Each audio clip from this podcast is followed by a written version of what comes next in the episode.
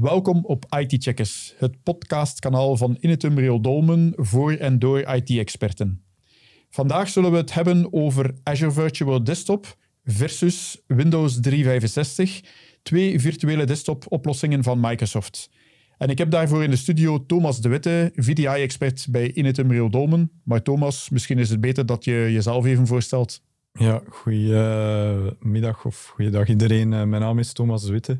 Ik werk als uh, technical consultant in de unit Microsoft Consulting, waar ik vandaag de dag ehm, klanten help met oplossingen te bouwen op Azure Virtual Desktop.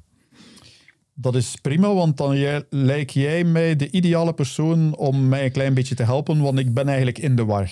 Microsoft had al met Azure Virtual Desktop, vroeger Windows Virtual Desktop uh, genoemd, reeds een virtuele desktop-oplossing.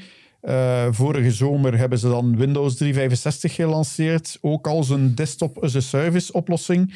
En hm. ja, nu vraag ik me af van, uh, ja, wat moet ik nu doen? Hoe verhouden die beide zich? Uh, dus ja, misschien is het best dat jij eerst een keer begint met, met uit te leggen, wat is die Windows 365 eigenlijk? Ja, het is inderdaad, uh, het was wel verwarrend inderdaad. Dus eerst was er Windows Virtual Desktop, dan kwam er Azure Virtual Desktop, de naamsverandering en uiteindelijk Windows 365.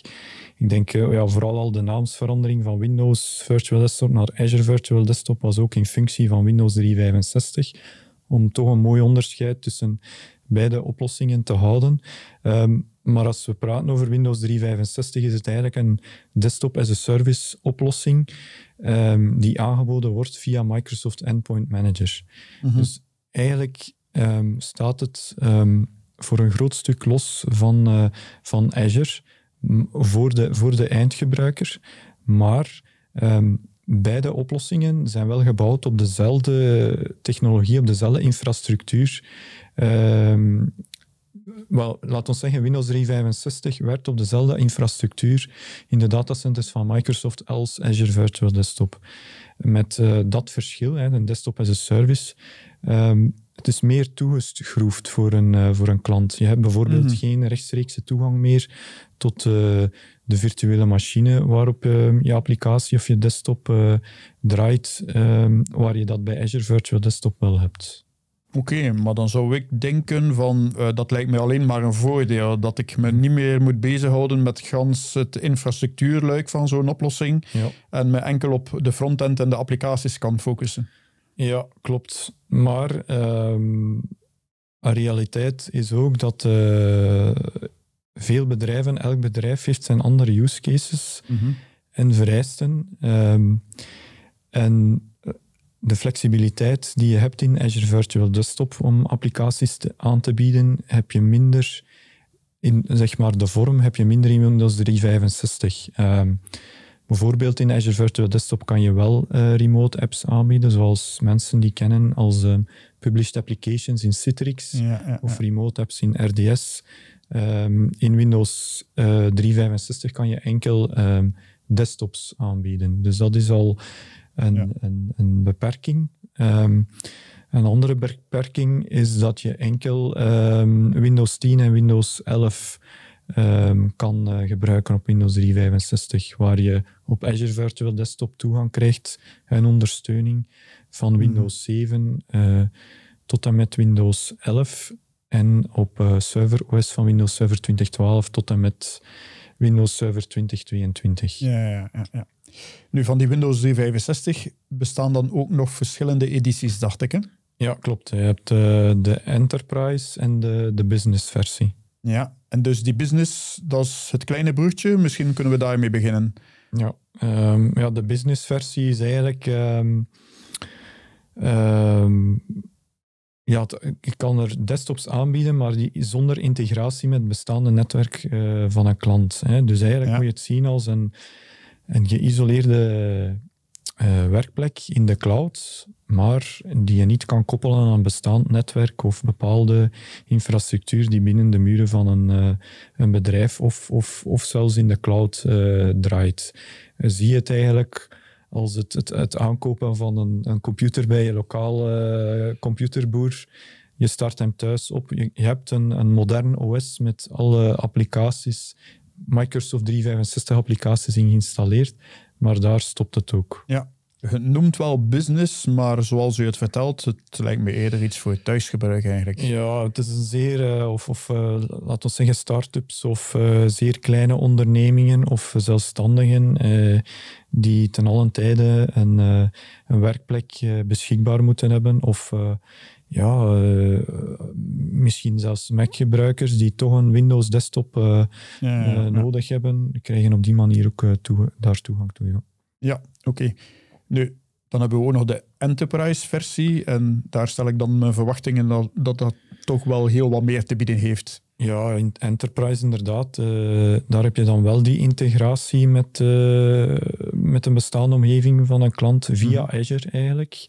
Uh, want dat wil ook zeggen dat je een Azure subscription zal nodig hebben, waarin we een netwerk voorzien. Mm -hmm. um, en via dat netwerk kan je dan ja, dan zijn, worden de, de mogelijkheden um, groot. Hè. Je kan koppeling maken met een bestaand domein of bepaalde backend infrastructuur zoals uh, database servers of applicatieservers. Um, dus um, de keuze is daar groot van mogelijkheden. En anderzijds heb je ook uh, voor het imagebeheer toegang tot een resource genaamd Azure Compute Galleries, -hmm. waar je eigenlijk images die je hebt gemaakt eigenlijk kan gebruiken om uh, desktops te gaan um, uh, voorzien in, uh, in Windows 365. En die images kunnen dan eigenlijk um, al de line of business applicaties bevatten van, van het bedrijf. Ja. En zijn er dan nog, nog speciale vereisten? Ik hoorde u al een Azure subscription noemen, maar als je die enterprise versie wil gebruiken, zijn er nog speciale vereisten? Uh, ja, moet een line of sight hebben naar een uh, AD, een DNS-server uh, bijvoorbeeld, is, ja. is ook belangrijk. Ja. Oké, okay. goed. Um, naar roadmap toe kunnen we nu verwachten dat die twee oplossingen, Azure Virtual Desktop enerzijds, Windows 365 anderzijds, dat die naar elkaar toe gaan convergeren? Of? Um, ik denk hoe Microsoft momenteel in de, in de markt zet, is um, dat um, ja, gebruik, firma's die al serieus geïnvesteerd hebben in, in uh, Microsoft Endpoint Manager en eigenlijk al een, een, een computerpark beheren uh, met dit uh, pakket, ze nu eigenlijk ook via deze weg makkelijk desktops, extra desktops in de cloud kunnen gaan mm. aanbieden aan eindgebruikers maar uh, zonder de flexibiliteit die je hebt in Azure Virtual Desktop. Um, dus ik denk dat het een beetje een keuze wordt tussen um, iets hogere kost met uh, minder flexibiliteit ten opzichte van een, een meer uh, optimale kost ten opzichte van um, meer fine-tuning. En die iets hogere kost, dat is dan voor het Windows 365 verhaal? Ja, ja dus um, bij Windows 365 werken we met, werkt Microsoft met een uh, fixed pricing model. Waar je eigenlijk... Per user dan? Of, ja, dus per desktop dat je, ja. dat je provisioned betaal je een maandelijkse fee mm -hmm. uh, aan Microsoft, ongeacht hoe lang of hoe kort dat die machine eigenlijk aanstaat. En over welke grote orde van bedragen spreken we dan? Uh, bijvoorbeeld een dual-core uh, 4 gigram met 64 gigabyte aan uh, storage kost om en bij de 30 euro per maand. Ja, oké. Waar dat we dan bij Azure Virtual Desktop eigenlijk eerder betalen voor de Azure-consumptie, voor hetgeen dat daar echt ja. ja pay-per-use uh, gebruikt wordt. Ja, klopt. Daar betaal je voor, uh, voor de, de, de running cost van de machine en de, de, ja, ook een stuk de storage kost uiteraard voor de, de disk van de VM die eraan gekoppeld staat. Mm -hmm. Maar um, wanneer die machine uitgezet wordt, omdat die, ja, zeg maar bijvoorbeeld s'nachts, mm -hmm uh, kunnen wij die machines uh, automatisch laten stoppen en dan stopt ook de running cost voor, uh, voor die VM's. Ja, en bij Windows 365 loopt dat gewoon door. Inderdaad, en daarbovenop kunnen we ja, op Azure Virtual Desktop meerdere gebruikers op eenzelfde VM laten werken. Ja. Um, wat ook een heel belangrijk um, um, voordeel is om aan kostoptimalisatie te doen. Oké, prima. Voor mij is het in ieder geval een heel stuk uh, duidelijker geworden, Thomas. Uh, bedankt daarvoor. Ja. En ik hoop voor onze luisteraars uh, ook. Um, ik, hoor, ik hoor en zie jullie graag terug op een volgende aflevering, een volgende podcast in ons IT Checkers kanaal. Bedankt.